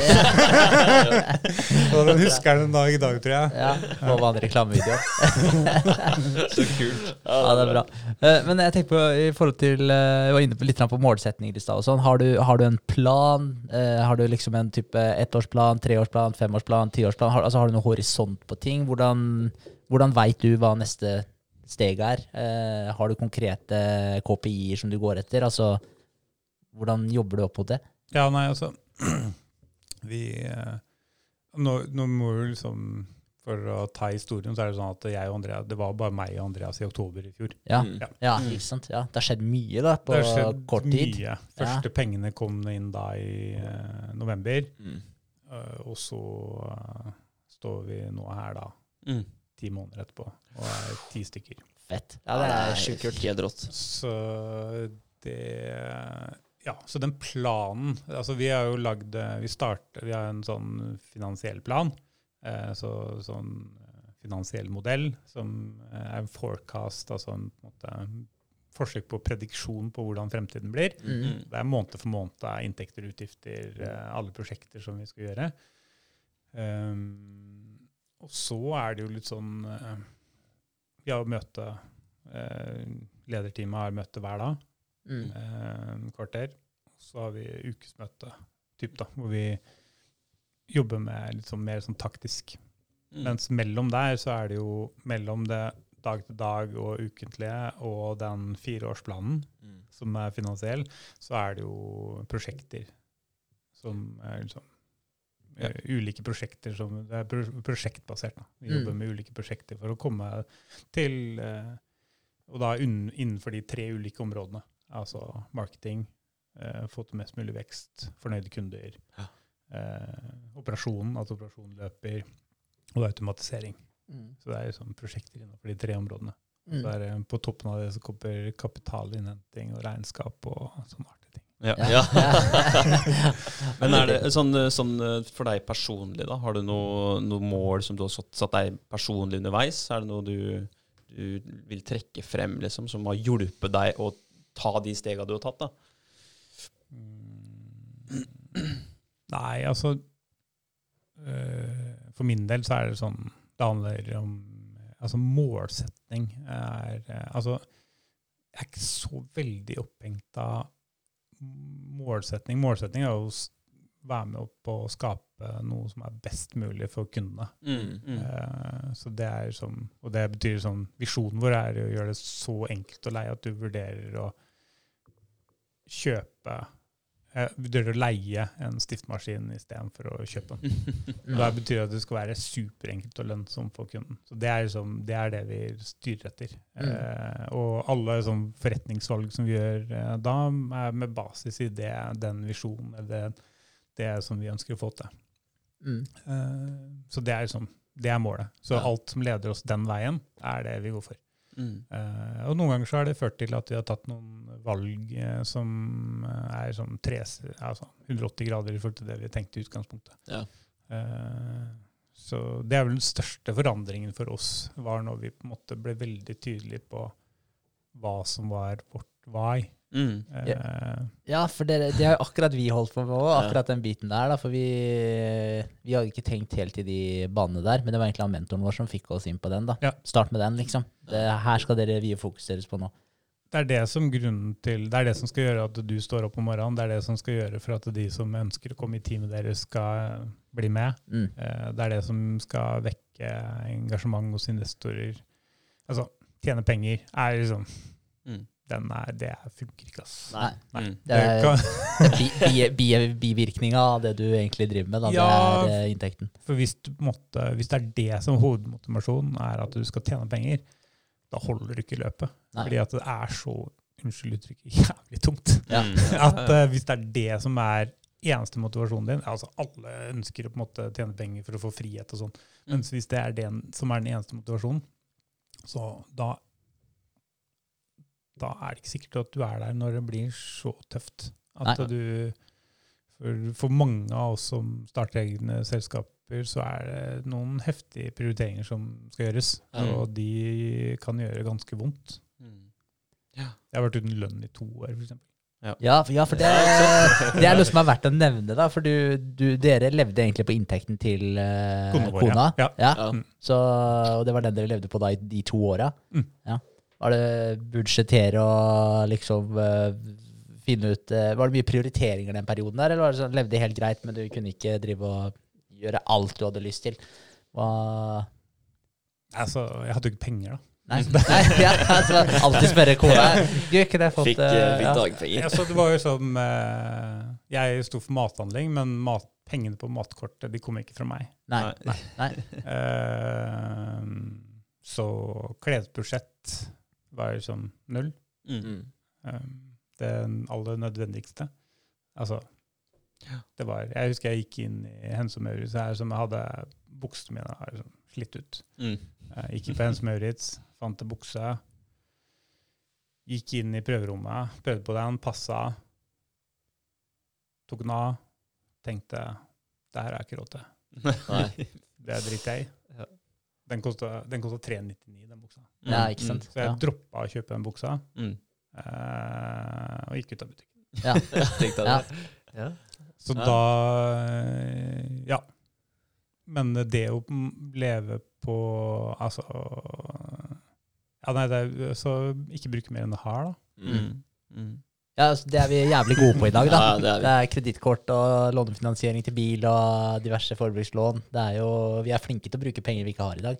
Ja, Men på et eller annet tidspunkt så har du strekt den strikken så langt, og så begynner det liksom å bli På et eller annet tidspunkt, så hvis du har barn og familie og sånn, så Altså, herregud, start tidlig. Mm. før du får unger, og sånn, så du slipper å måtte eh, gjøre den veldig veldig tøffe prioriteringer før du har fått hus og sånn. Mm. Ja. Det anbefaler folk å begynne med en gang de er ferdig på videregående, Ja. eh, eller før. Mm. Uh, mens uh, Ja, nei, tøffe greier. Ja. Ja, vi skulle jo gjerne begynt enda tidligere, vi også, men uh, ikke for det. Vi har jo begynt, begynt veldig tidlig i forhold til mange andre. Ja, vi har i hvert fall begynt. For det. Ja, det er det som er viktig. Mm. Ja. Mm. ja, Gjør det. Mm. ja, ikke sant. ja, kult. Ja, det er fett. Veldig. Men eh, ja, ukene som kommer og sånn, hvordan eh, ser det ut hva, for dere i, Leid eh, nå framover? Er hva er de neste stegene deres? Nei, nå er, vi, nå er det sånn at jeg er denne uka her alene før alle de, de fleste begynner å komme tilbake. Så er det full kjør fra 2. august. Da er liksom alle tilbake fra ferie.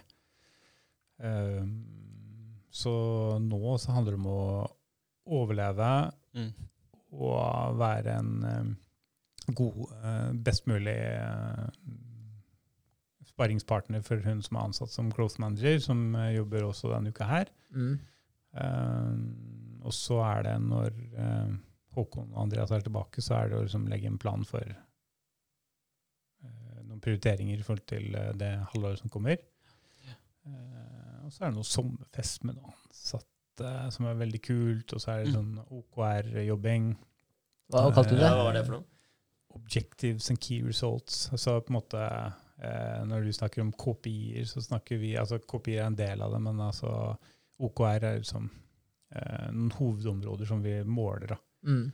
Eh, så vi har delt opp på de tre ulike områdene som vi jobber med, eh, og har, har OKR på de områdene. Ja, så dere har et veldig bevisst eh, forhold da, til de faktorene der, og som dere på en måte følger trenden på. da. Stemmer. Mm. Så det blir fint. Ja. Så én ting er liksom når det bare er to stykker, og så skal man bli enige om de altså Det å begynne å jobbe med OKR-er og kopier og eh, bla, bla, bla når man er to, det er veldig verdifullt. Mens når det er flere, så er det tvingende nødvendig. Ja, ja sant? Ja. At dere sikrer at alle er som Hvis du sitter på deler kontor, eller som er én du jobber sammen med, Mm. Så da snakker man om veldig mye hele tiden. Mm. Mens um, Men når teamet blir større, så, så har man ikke den der veldig tette dialogen med alle. Så da er det ekstremt viktig at det er veldig tydelig hva er det vi går for. Mm. Mm. Ja. Mm. Um, Men, men du nevnte at han eh, C2-en hadde kjøpt seg inn litt. Mm. Hvordan er eierandelen eh, deres nå? Altså han eh, på 15% 15? Ja. Og så du og han andre Andreas? Vi er på dere har- 32,5 hver oss. Mm. Nice. Så det Ja. Altså på en måte du må For å gjøre den kaka større, så Det handler om, det er det det handler om. Eh, så da må du gi fra deg biter av kaka, og så er det faktisk sånn at eh, hvis du får inn riktige folk eller riktige investorer, så blir kaka større. For Ja. Da får du noe annet enn penger. Du får kompetanse, tid. Eh, noen andre som drar sammen med deg. Mm. Ikke sant? Men de, de 20 20 resterende prosentene, er det et, uh, investorer Uh, Ja. Ja.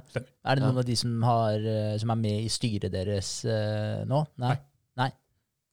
Det kunne de vært, Ja. Mm. men det har vi fram til nå valgt å, valgt å ikke ha i styret. da. Ja. Ja. Fordi vi, er fortsatt, vi anser oss fortsatt å være relativt eh, ja, altså neste runde vi henter, som blir da i Q4 i år, Mm. eh, da kommer vi til å få inn styret. Ja. Ja. ok. Som er noe andre enn meg og Andreas. Ikke sant? Ja. Ja, for nå er det bare dere to. Ja. Hvor, eh, hvor eh, mye sikter dere dere inn på å hente i neste omgang da? Eh, nei, altså Så ca. fire millioner, tenker jeg. Ja. Og da går det til innkjøp av utstyr og også utviklingskostnader, eller? Nye Nei. lokasjoner òg, eller? Ja, Ja. nei, da blir det noen nye lokasjoner. Men uh, ikke, noe, ikke noe innkjøp av utstyr, for det lånefinansierer vi primært. Ok, Mm. ja. Uh, så blir nei, så det er som eh, teamutvikling Ja. som det går til. Mm. Eh, og ja. Sørge for at når vi kommer til våren, at vi er sånn plug and play for scaling. Ja. At det er liksom, vi kan begynne å For da blir det en ny, ny runde med kapitalinnhenting. Ja. og så skal vi bevise noen ting og få til noen ting da i løpet av vinteren. Og så er planen da som avhengig av eh, traction vår på vårparten neste år. Mm. Så avhenger av hvor mye penger vi kommer til å hente da. Og da er, når vi henter penger da, så er det for å trykke på gassen og eh, bre det her om i det ganske land. Og etter Ja. hvert til Sverige og resten av Europa. Ja. Det er liksom planen. Ja. Eh, Kult. Hvor, Er- my hvor mye er selskapet verdt i dag? Nei, hva Er det hva, altså du kan, du kan måle etter forrige investering, da, Ja. som var da i Som var da i mars. Mm. Så da var det en eh, Da var det en 20 millioner. 20 millioner. Ja. Så vi eh, Så prising er Litt relativt. Ja, altså eh, Vi mener jo selvfølgelig at vi er verdt eh, vi, En gründer vi alltid mener at den er verdt mye mer. Ja. Ja.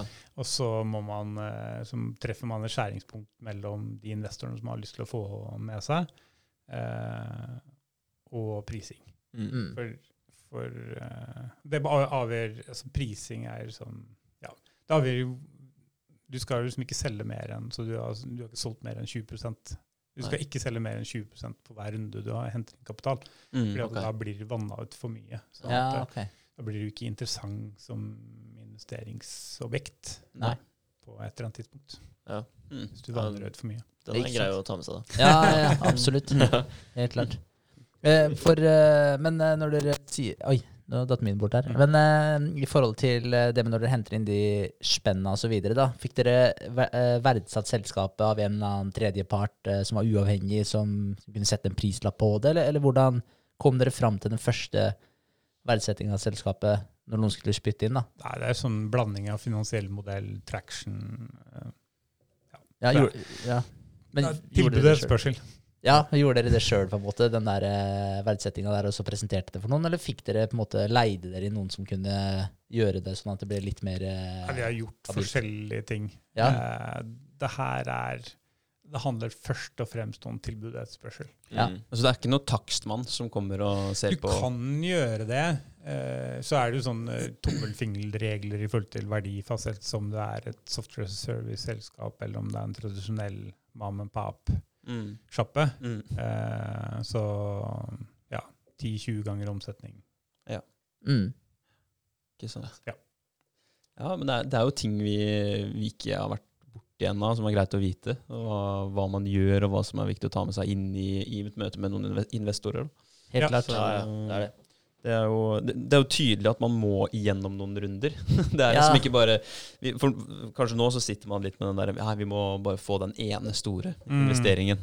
Ikke sant? Mm. Men det er kanskje Altså, jeg, vi, vi hadde en mentor som faktisk han er opprinnelig fra Holden. Uh, han har starta uh, mange bra selskaper og hatt noen hyggelige hek- exits. Mm. Eh, eh, akkurat nå så ikke hva han heter, men Mm. han hadde blant sist så har han hatt eh, sånn edtech Han har drevet egentlig med edtech. eh, um, men han, eh, vi hadde han som eh, hadde en samtale med han um, som, som mentortid. da. Mm. Um, så var det liksom i forhold til retning, i forhold til utvikling, i forhold til investor, i forhold til hente, hvordan vi skal hente penger. Mm. Og så ser jeg at vet det han anbefalte oss, var dropp å hente penger, gå for kunder. Mm. Hent, få mer omsetning, Mm. få traction på omsetning. Ja. Så kommer investorene. Ja, Mm. ja. Eh, og det rådet fulgte vi, eh, og det er vi veldig, veldig glad for. Ja. Gå for product market fit, gå for salg. Ja. Gå for salg. Ja. Selg, selg, selg, selg. Fordi at det, um, det en investor vil se når han kommer inn, er at uh, dere har verifisert den modellen som dere har hatt oppi hodet. Mm. Og den beste verifikatoren er at eh, folk kjøper det dere selger. Ja, ja. Ja. Mm. Eh, hvis dere prøver å hente penger før noen kjøper det dere selger, Mm. så kommer det til å er det mye tyngre å få inn penger. eh, og dere får en eh, lavere pris. Ja. Og kanskje Så min, mitt første råd er få butikk. Mm. Prototype, lavest mulig nivå på prototypen. Bare få det til å funke, levere på noe verdi. Få, få kunder som sier at det her er bra. Uh, det er sånn. Det er MVP, er det ikke det de sier? Ja. Most viable product. Stemmer. Mm. Mm. Så det er sånn Og jeg tror veldig fort gjort som gründer å gå liksom, ah, nei, Hvis en bare hadde fått utvikla dette, så Men Mm. ok, før det Det finnes så mange måter å teste det på før du putter penger på det. Ja. Eh, og det billigste, det beste du kan gjøre, er å bruke tida di Mm. og snakke med kunder. og eh, Bruke tid på det Ja. Mm. istedenfor penger. Uh, for når det pengeløpet begynner, så er det, Ja, det er et race. det er et skikkelig rotterace. Ja. Ja. Og det er, det- er gøy, altså. Jeg sier ikke at det ikke er gøy. Vi setter pris på at vi er der nå. Mm. Men uh, de sier at det å hente kapital er en fulltidsstilling. Mm. Ja, ikke sant. Mm. Det er jo litt der uh, vi er nå, da. Helt i startfase med å begynne med en uh, um, vet du, produkt. Eh, Ja, prototype. prototyp, ja. Ja. ja. Mm. Ja. Og da må vi bare få tak i noen som har lyst til å prøve det her, og se om de faktisk liker det. Mm. For den ideen som vi sitter med oppi hodet som gründere, den får veldig hardt møte med virkeligheten. Mm. Der. Ja, ja. Nei, jeg trenger ikke det. jeg. Jeg er interessert i dette, Ja. men det andre det Ja. Nei, jeg kommer ikke til å bruke den appen her. Nei. Nei. Kan jeg ringe noen? Eller, altså, jeg hadde en eh, Jeg starta, jeg jobba kort tid i et selskap til noen som hadde Altså, de hadde hørt Det er, men det er forskjellige varianter her, da. Ja. Det er som kunder som sier 'nei, det her trenger vi'. Mm. Ok, ja, men da lager vi det. Mm. Og så lager du det, og så Ja, men det må jo funke sammen med det vi har fra før, da. Mm. Så det å liksom virkelig forstå kundebehovet er liksom der du bør legge tida di. Eh, og så utfordre det, og kanskje hvis du finner en kunde som er interessert i å bruke tida si på å teste sammen der, sånn, ta flere iterasjoner, ta flere runder, liksom. Ok, ja, sånn er det, nå har vi gjort det sånn. Eh, ta et A4-ark, tegne opp ting. Okay, Klikker du her? Eh, hvordan tenker du at det her funker for deg? Mm. Nei, det skjønner jeg ikke noe av. Mm. Og så på en måte gå tilbake og jobbe. Det er, mm, ja, det er verdt det. Ja. Ja. Har, har dere gjort mye av, mye av det? Gått uh, konkret til folk, eh, enten om det er kjentfolk eller ikke kjentfolk, og, og prøvd å jobbe veldig tett opp mot noen spesifikke individer, eller uh, hvordan har dere gått fram? Vi skulle sikkert gjort mye mer av det. Ja. Eh, Det som vi har gjort, er at vi har solgt. Ja. Ja. Mm. Og så på en måte funker det, selger det, Mm. og så ellers så på en måte testa mange, mange, mange forskjellige ting. Mm. Eh, og så bare sjekka ut hva som funker. Ja, ikke sant? Ja. Det blir jo feedbacks bare hele tiden. eh, Ja. Følge den, da, og rette, rette, rette. Ja, vi gjør jo det. Ja. Men vi er ikke vi er ikke, det er ikke, Jeg sitter ikke her Det kan høres ut som jeg sitter her med fasiten. Det er jeg absolutt ikke. Eh, for vi har gjort haugevis av feil. Ja. Mens eh, som, hvis jeg skal gi, si én-to stor ting, da, så er det som bare, bare gjør det. Mm. Ja. Ja. Men det er jo en del av reisen, da. Ja. Mm. Å gjøre de feila, og, og Ja. så få det til, da. Så det er jo ja. Bare prøve å unngå de feilene som gjør at du konker. Ja. Mm. Det er jo det som er name of the game. Ja. Altså, Ja. Du skal feile, for ellers så har du bare ikke Hvis du aldri feiler, så da Da er du ikke utfordrende nok. Nei, da. er du ikke utfordrende nok. Nei. Nei. Men du skal prøve å ikke gjøre det altfor dyrt, Mm. sånn at du ikke konker selskapet. Ikke Mm. sant? Men nå som dere har en del eh, lønnsutgifter og sånn, eh, er det For du snakka om nå eh, Ja, nå er det litt rotterace med å hente penger osv. Er det Går det rundt av seg sjøl nå? Får dere dekka alle med inntekter osv.? Får dere dekka alt av lønnskostnader? Får dere dekka det dere på en måte trenger? Det er ikke noe fare for at dere går konk, eller, eller er det, har dere liksom den kniven på strupen? Ja, så, som startup så er det alltid kniven på strupen. For vi prøver å trekke gassen så hardt inn som det er mulig å gjøre for Mm. å nå dit vi ønsker å komme. Mm. Um, så hver måned så brenner vi cash. Ja. Så det betyr at vi går i minus hver måned. Mm. Uh, og hvis du Alternativet er ikke gjør det, da er det noe annet som kommer til å komme før deg. Ja.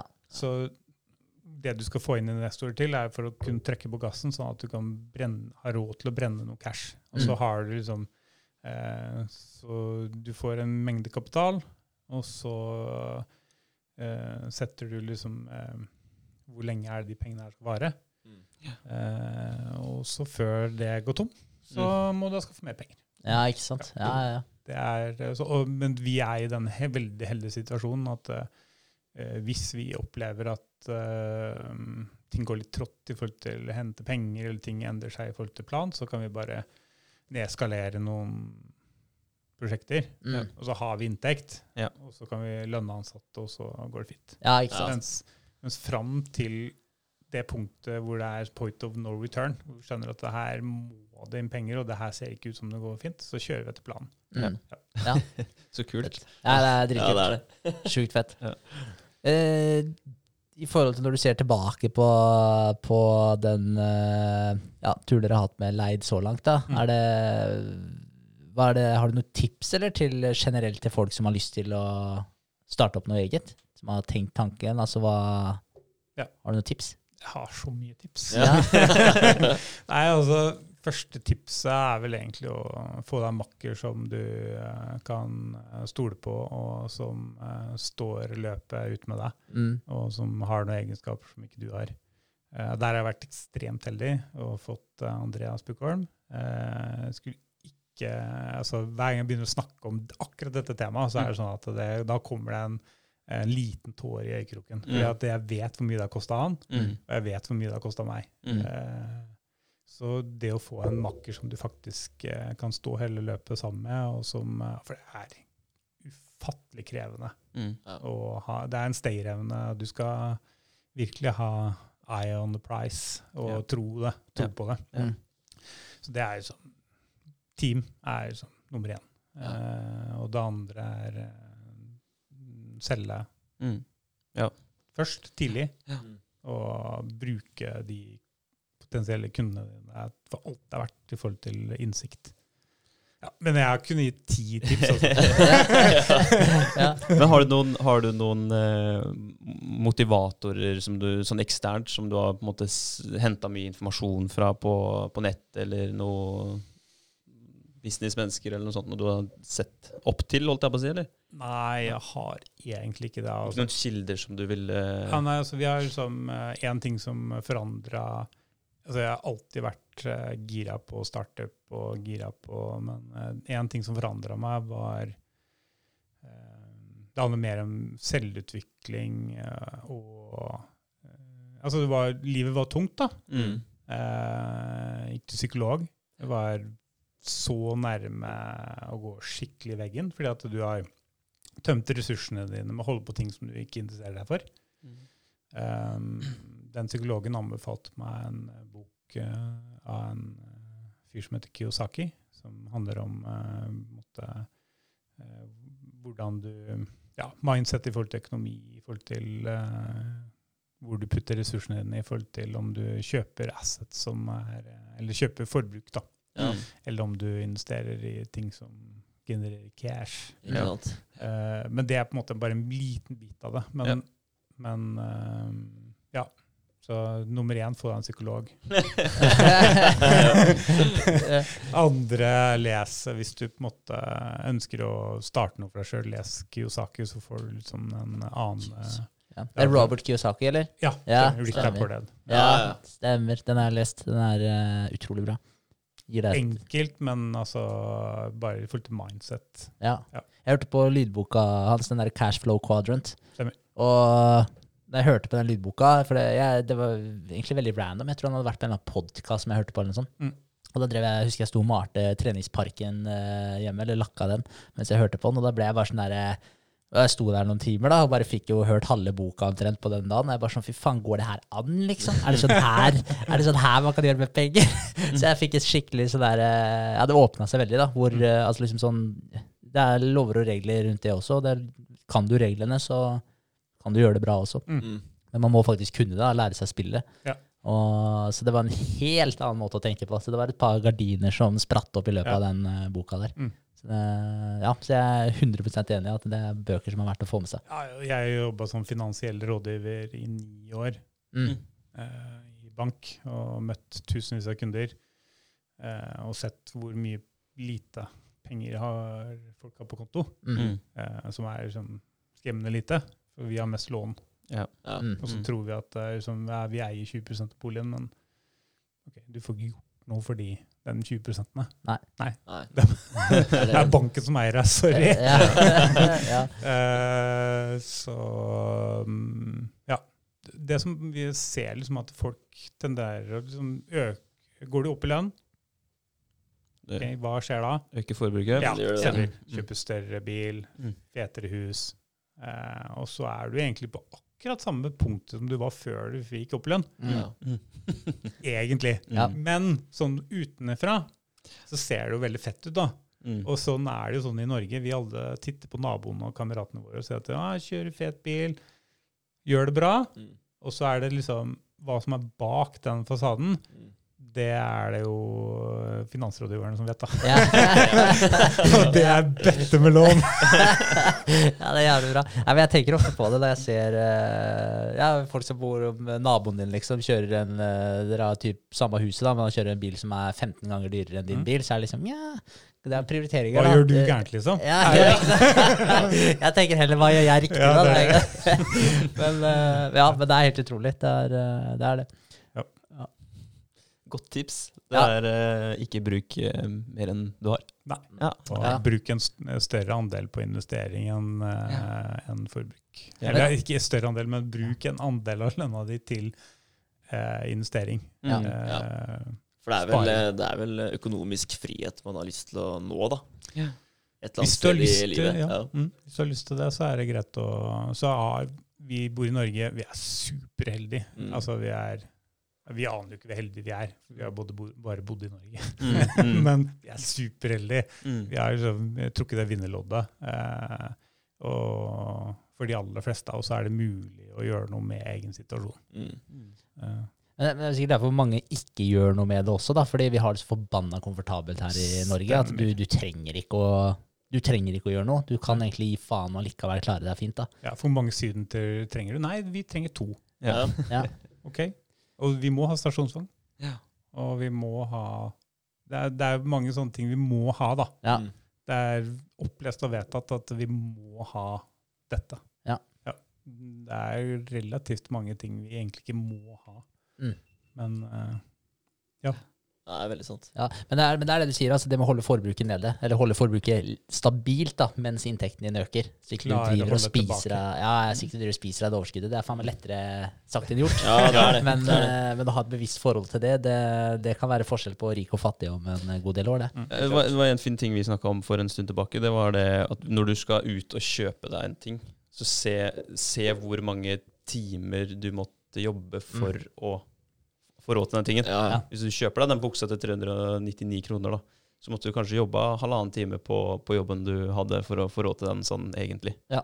Med tanke på lønn og, og fratrekk av skatt. Og, ja, det er helt sant. Tenke tid i stedet for penger, ja. Ja. Ja. Det er ikke like kult å kjøpe seg en iPhone til 12 000 når du tenker på hvor mange timer du, du må jobbe for den. da. Nei. Så, mm. Det er, det er veldig sant. Ja.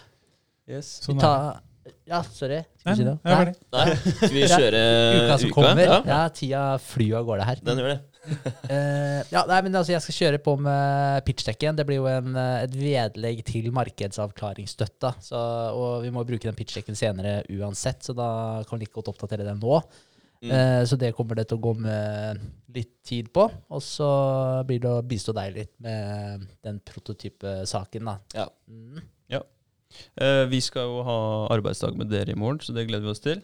Det blir veldig bra. Eh, veldig, veldig bra. Eh, ellers så skal vi jobbe mer med, med Y-en vår. Eh, jeg har hatt et ganske stort bilde over nøyd da, fra tidenes morgen, men jeg er litt sånn som Jeg, jeg kjente meg igjen da når du sa at du trenger en partner som, har, som er litt annerledes.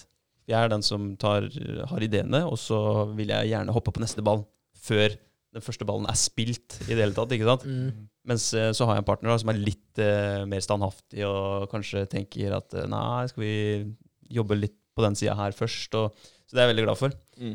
Eh, fornøyd er For meg så er det Det er eh, ikke bare mat, det er også en plattform som skal hjelpe folk å ta valg eh, som gjør det bedre i livet deres over, over alle arenaer. da. Mm. Så, så vi må bare definere den wine, eh, og det blir jobben nå framover. Mm. Så det er Ja, det blir gøy, da. Det blir gøy. Det er bra. Mm. Eh, For meg så blir det å jobbe med den prototypen. Mm. Gjør det. Eh, hente inn enda mer eh, informasjon og ja, prøve å tenke ut hvordan man skal få den til å se best mulig ut i et tidlig stadium. Da. Mm. Ja. For det er, den kommer ikke til å se så pen ut nå i starten. Nei. Altså, nei, men et sted må man starte. Mm. Mm. Ja. Så det blir jobben. Absolutt. Ja. Det blir spennende. Det er som en bra plan. Mm. Så bra. Ja. Det har vært uh, utrolig kult å ha besøk, eh, Tommy. Ja, veldig hyggelig å være her. Ja, takk for at du kom. Kult. Veldig hyggelig. Anbefaler flere å ta turen. Altså. Ja, Ja, kult, så bra. kult. Det var en bra opplevelse. Det Du er får godt å høre. Altså. legge igjen uh, hvor folk kan uh, se Leid, da. Ja. Hvor kan vi nå dere? Ja, nei, altså, det er leid.no. Leid.no. enkelt. Og greit. Så er det er et eller annet, så er det bare mail eller telefon en LinkedIn-forespørsel unna. Ja. Kult. Jeg synes, Bare for å avslutte med det, jeg syns det var eh, en veldig behagelig opplevelse å leie stillas fra, fra Leid. Jeg leid to ganger, um, og begge gangene har vært eh, kjempefornøyd. Ja, så dere har en eh, veldig fin hjemmeside òg. Ja. Jeg har inne og titta på den. Så det er ryddig og fin. Absolutt. Ja. Ja, det var rett opp på veggen og rett ned igjen. Enkelt å montere og enkelt å hente og levere inn igjen. Mm. Kjempefint. Greit. Funker det. Fint. Det er bra. Takk for Og jeg skal ha 5000 for de setningene der. Ja, det er bra. Nei, nei, men det kult. Da satser vi på at dere, vi kan ha det tilbake om et års tid og høre at dere er godt på vei mot eh, målet deres. absolutt. Mm. Kult. Kult. Takk for i dag. Takk for i Takk for i dag.